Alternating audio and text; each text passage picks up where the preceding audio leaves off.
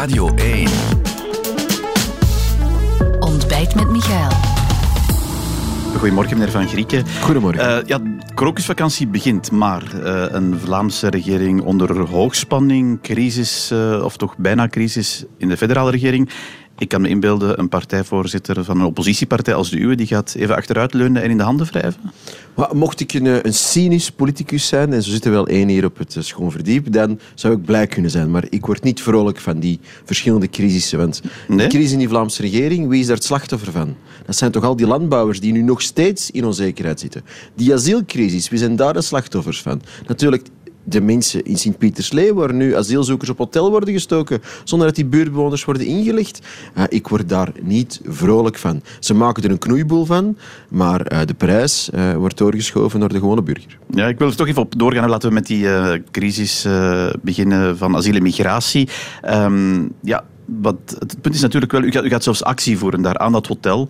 Uh, ik heb altijd het gevoel, ja, het zijn wel mensen. Hè. Beseft u dat zelf ook? Of, of, denkt u daar zelf ook bij na van, dit zijn wel mensen die, die naar hier gekomen zijn ja, in de hoop op, een, op, eh, op wat betere tijden? Maar uh, zeker, en u volgt me al lang genoeg, al negen jaar lang zeg ik altijd, wij voeren een, een strijd tegen het politiek systeem, maar nooit tegen die maar mensen gaat u dan aan, net aan dat hotel dus gaan, ik, gaan Ik heb heel veel begrip dat mensen een betere toekomst willen, maar waarom dat wij straks om 9.30 uur in Sint-Pietersleeuw aan de Ibis. En als de luisteraars nog willen komen, zijn van harte welkom actie gaan voeren. Is omdat dat gebouw, een hotel waar asielzoekers worden ingestoken, dat dat zo'n symbool is. Dat is echt het failliet van heel het immigratiebeleid van deze regering. Asielzoekers in een hotel steken, dat is een aanzag-effect creëren. Dat is tegen heel de wereld zeggen, we zijn al heel gul in onze sociale zekerheid als je naar hier komt, maar als je naar hier komt en asiel aanvraagt, dan krijg je zelfs een hotel en een ontbijtje bovenop. Dat is een compleet, ja, nu compleet, bent u het wel een beetje op een hopje aan het groeien. Het is natuurlijk wel een, een, een, ja, een, strategie geweest van de Brusselse, uh, Brusselse regering, om die uh, dan in, in Vlaanderen op, op hotel te plaatsen. Het gaat ook maar over heel korte tijd, hè, want ik denk dat de meeste mensen uh, al terug naar Brussel aan het gaan zijn of worden opgevangen door, door Vedazil. Uh, want dat is natuurlijk wel het punt. Die mensen zijn wel in een procedure. Ja, u kan zeggen dat is niet fijn, uh, maar, maar wat, wat zou u zelf ermee doen? Want daar, daar kan u... maar ik dat toch een klein beetje nuanceren. Het hotel is het topje van de ijsberg. Wat bedoelt dat is een ijsschot die, en de rest zit eigenlijk onder water. Er zijn 34.000 opvangplaatsen voor asielzoekers op te vangen. Ik kan je inbeelden, 34.000 bedden. Dat is zoveel als er inwoners zijn als de stad Lier. En dat is een komen en gaan. Hè? Want ja, die, zijn er, vooral, vooral die zijn er nu niet allemaal inzetbaar, hè, die opvangplaatsen. Die 34.000, het is opgetrokken de afgelopen twee jaar met nog eens 8.000 erbij, naar 34.000 permanent bezet. Dat is nog niet voldoende voor deze Vivaldi-regering. Men gaat er nog een hotel bovenop gooien. En het is daar waar wij tegen uh, protesteren. Maar kan u dat niet... Ik ga daar toch nog even doorgaan, meneer Van Grieken, want dat is wat de Brusselse regering dan heeft. Waarom gaat u dan niet bij de Brusselse regering eh, manifesteren? Waarom gaat u net aan dat hotel waar die mensen zitten die daar toch ook geen keuze hadden om, om te doen wat daar uh, Maar wij protesteren tegen het symbool van het hotel. Want we hebben dat in het verleden al gezien en dat is echt een aantrekkings pool uh, voor nog meer mensen van heel de wereld hier naar, ja. naartoe doen. Maar tegen wie we echt protesteren, is natuurlijk tegen de federale regering, tegen Nicole de Moor. Die haar beleid, dat is toch compleet, compleet failliet. Weet u nog, mevrouw de Moor werd door haar voorganger Sami Medi aangekondigd als de immigratiespecialist in de wetstaat. Er kon niemand beter vinden. Ja, als je dan kijkt naar Bilan op acht maanden tijd, 37.000 asielzoekers. Het hoogste, het hoogste sinds de asielcrisis van 2015. Eén cijfer nog wil ja. geven. 703 miljoen 703 miljoen. Enkel en alleen voor bed, bad en brood is er uitgetrokken vorig jaar. En daar gaat men nu nog een hotel bovenop doen. In een ja. tijd, meneer Van Drogenbroek, dat mensen problemen hebben om een energiefactuur te betalen. In een tijd dat er 182.000 van onze mensen op een wachtlijst staan voor een sociale woning. Wel, daar word ik heel, heel opstandig. ik, ik, heb u die woorden trouwens ook deze donderdag in de Kamer horen zeggen tegen de staatssecretaris. Ik hoorde haar ook zeggen, ja, uiteraard willen wij dat niet, dat hotel. Hè. Dat is ook de reden waarom Fedazil die uh, mensen daar uh, eigenlijk heel snel zal, zal, zal weghalen. eigenlijk, eigenlijk zegt zij, voor een, of zegt u wat zij zegt voor een stukje, want ik hoor haar dat ook zeggen, dat hotel, dat is iets niet wat de bedoeling is. Ja, maar ik hoor mevrouw de Moor heel vaak dingen zeggen. Ik heb haar nu voor het gisteren horen zeggen, we gaan strenge voorstellen op tafel leggen op de ministerraad, want de procedures moeten kort... Wat u zich daarin vinden, in die, in die strenge voorstellen die ze daar daaraan haalt. Maar zeer zeker. Ze, ze, haalt de mosterd ook bij het Vlaams Belang. De procedures moeten effectief korter. En er moet effectief werk gemaakt worden van een grotere uitstroom. En dat zegt ze dan heel straf voor de camera's. En gisteren heb ik de hele tijd België zitten volgen. En wat blijkt? Niks. Nul nada. Nicole, Nicole de Moor staat weer met lege handen. En ik vind nu toch, en ik wil dat hier wel eens benadrukken, wanneer je de broek wordt afgetrokken door het Brussels gewest door minister uh, Vervoort, wanneer uh, linkse NGO's kabinetten uh, bezetten en uw inboedel wordt aangeslagen, als je asielzoekers op hotel moet steken, wel, mocht ik staatssecretaris van asiel en migratie zijn en mijn coalitiepartners zouden me zo belachelijk maken en de cijfers zo desastreus zijn, ik zou de eer aan mezelf houden. Ja, maar ik wil het toch even, even vragen, ook, als effectief u, u daar voor het zeggen zou hebben, of uw partij, uh, wat zou u dan doen? Want dat zijn wel mensen in een asielprocedure. Ja, dat klopt. En die procedure zou je dat dan vinden dat die, goed vinden dat die daar buiten slapen aan het klein kasteeltje? Wel, het hele punt is, uh, heel vaak is het discours, wat gaat u met die mensen doen? Die zijn hier nu. Wel, het is niet de bedoeling dat die hier blijven. Ja, maar, nee, maar ze zijn hier en ze zijn in een asielprocedure. Maar men moet weten, asiel is beperkt in de tijd. Wanneer uw asiel achter de rug is, moet je ook effectief teruggestuurd worden. Als het conflict achter u moet je teruggestuurd worden. Dat gebeurt absoluut niet. Twee, die procedures moeten ook veel korter. Waarom is dat zo essentieel? Weet u hoeveel van de asielaanvragen vergund worden?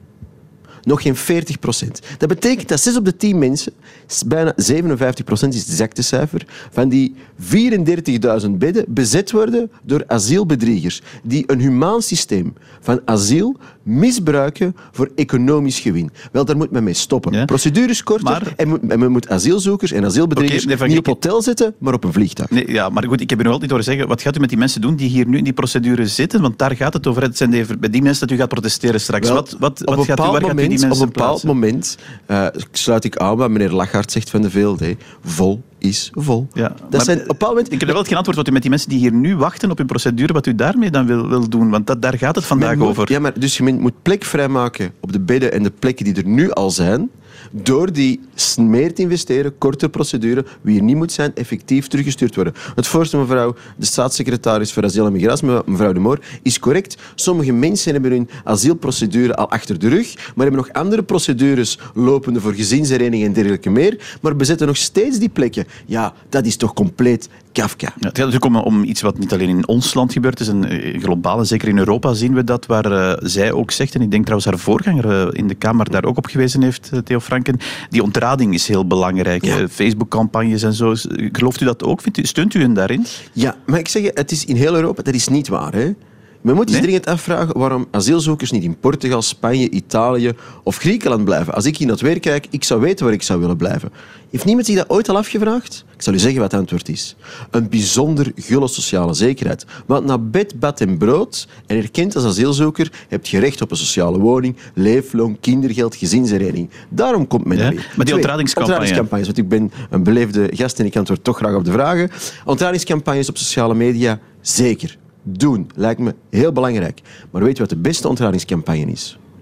Die zes op de tien asielzoekers die er niet horen te zijn, en die illegaal hier verblijven, terug te sturen. Dat zijn de beste promo-girls en promo-boys om te zeggen, in België hoeft je niet te zijn, de procedure is kort en als je niet hoeft te zijn, keert je ook effectief terug. Er ligt nog veel eh, plank, werk op de plank van die federale regering, uh, meneer Van Grieken, niet alleen asiel en migratie. Er komt eigenlijk grote hervormingen aan, of die zouden er moeten aankomen, uh, zeker ook voor die relancegelden, onder meer de, de, pensioenhervorming. Waar staat uw partij daar eigenlijk ergens? Wel, wij hebben altijd gezegd, wij, zijn, wij juichen toe dat die pensioenen verhoogd worden tot 1500 euro minimum. Maar we hebben altijd wel gezegd dat binnen een Belgische context dat nagenoeg onmogelijk is, tenzij je ernstige besparingen doet. En wij hebben onze uh, pensioenvoorstellen in der tijd voorgelegd aan het Rekenhof. En we gingen die financiering doen, en houden nu vast, je komt terug op het vorige thema, wij zouden onze sociale zekerheid afschermen voor nieuwkomers. We hebben daar een Deens model. Wat betekent dat? In Denemarken, uh, als je moet je, denk zeven of acht jaar hebben bijgedragen, voor je de volle pot van de sociale zekerheid krijgt. En op die manier komt er geld onder andere vrij. We gaan nog andere ingrepen moeten doen. want daar wil ik even op doorgaan, hè, want dat is natuurlijk het punt. Er zal langer moeten gewerkt worden. Ik denk dat velen het daarover eens zijn. Is dat ook iets wat, wat u uh, zal zeggen, ook aan uw kiezers, van kijk, uh, die pensioenen, daarvoor zullen we met z'n allen langer moeten werken, die is, leeftijd zal omhoog het moeten? Het is eigenlijk een valse discussie. Want Waarom? Men, men, men, maakt altijd discussie wanneer de pensioenleeftijd, de wettelijke pensioenleeftijd. En dan, ja, er is dan een opbod, de NVA wil, de ene wil 67, de NVA wil zelfs nog hoger, naar 70. Maar eigenlijk gaat het daar niet over. Het gaat over de werkelijke pensioenleeftijd. En wat zien we? Dat mensen eigenlijk werken tot 62, 63. En misschien moet dat opgekrikt worden. Maar heeft men... Nou, u zegt misschien ja of nee, want daar gaat het natuurlijk wel om. Mensen moeten langer aan de slag, maar je moet dat... Legt jij de pensioenleeftijd op 80 jaar. Maar mensen gaan dat niet doen hoor. Je moet gewoon zien, kunnen mensen op het einde van hun carrière nog zo lang werken? En als je dan gaat kijken naar de economische cijfers, meneer Van Drogenbroek, de Vlamingen, die werken opzichte van onze buurlanden meer uren en is productiever dan onze buurlanden. En wat zie je tussen de 20 en de 50 is nagenoeg iedere Vlaming aan de, aan de slag. Lage werkloosheid. We werken keihard, we worden uitgeperst als een citroen. En waar zien we de inactiviteit toenemen?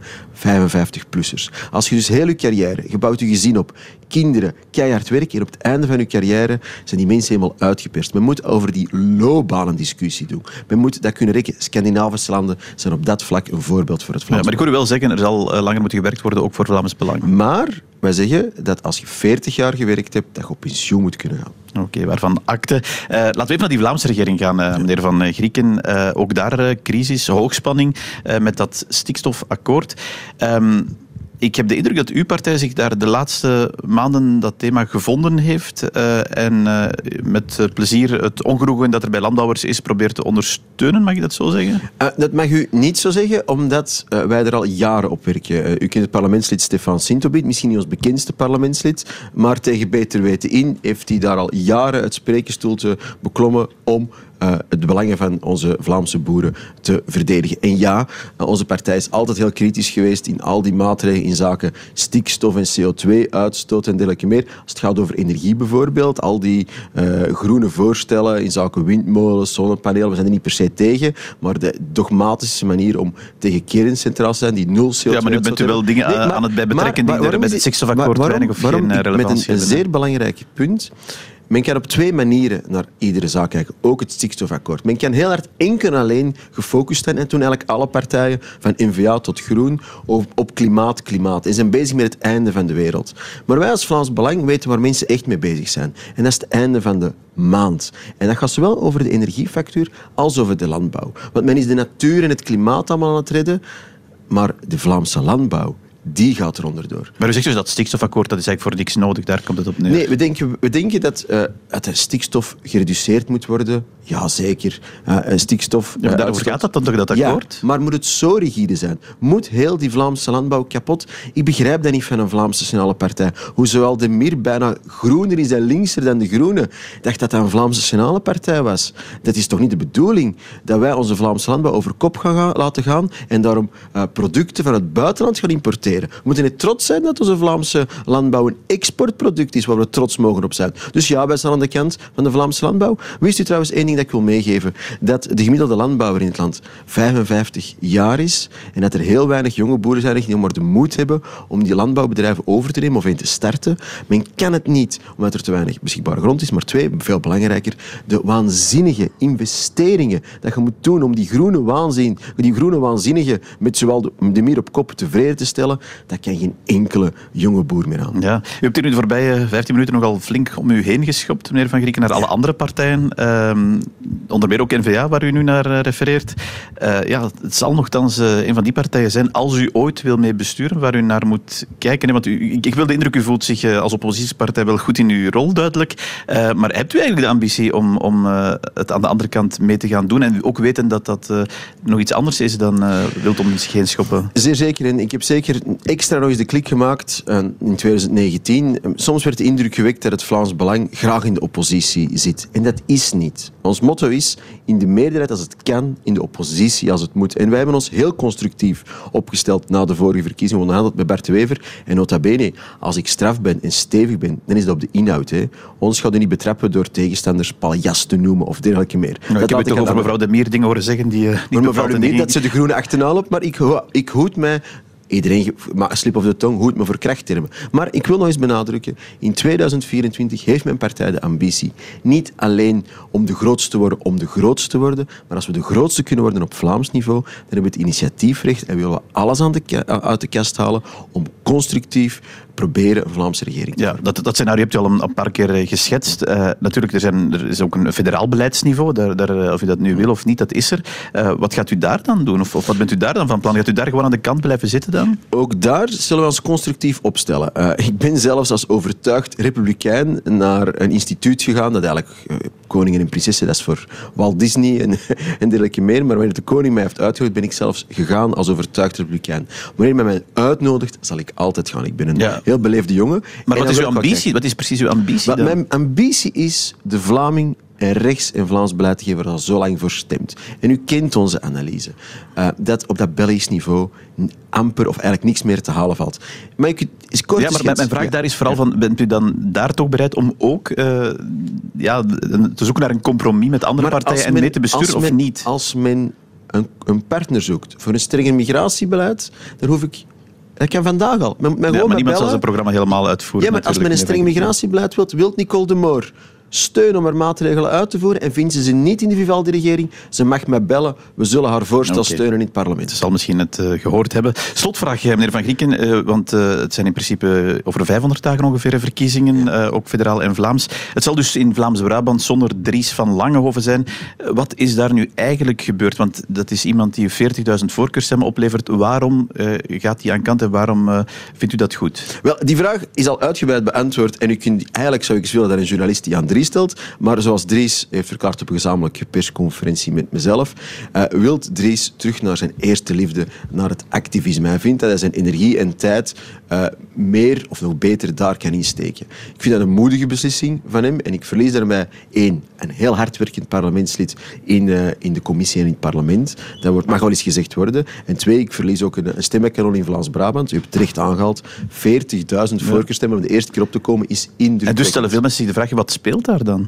Wel, wat Dries verklaart, eh, waar ik hem steunen. Ik heb hem zelf binnengehaald. Hè. Men vergeet het altijd. Ik ben Dries gaan halen en ik wil hem ook wanneer hij zegt ik stop met partijpolitiek, ik stop met uh, parlementaire politiek, maar ik zet mijn politiek verder als activist, wil ik hem daarin steunen. Het, is, het siert hem. Dries is een idealist. Dries zit vol sturm en drang en als iets in zijn hoofd zit van Dries... En even voor alle duidelijkheid, u gaat hem ook niet proberen te overtuigen om toch terug op een lijst te staan in 2024? Dat zit niet in de planning. Uh, Dries heeft de klik gemaakt en uh, ik hoop dat hij heel goed zijn activisme doet. Dat is duidelijk, maar het is nog 500 dagen. In principe al zullen we dat afwachten. Meneer Van Grieken, dank u wel voor uh, dit gesprek deze. Dank je wel voor de uitnodiging.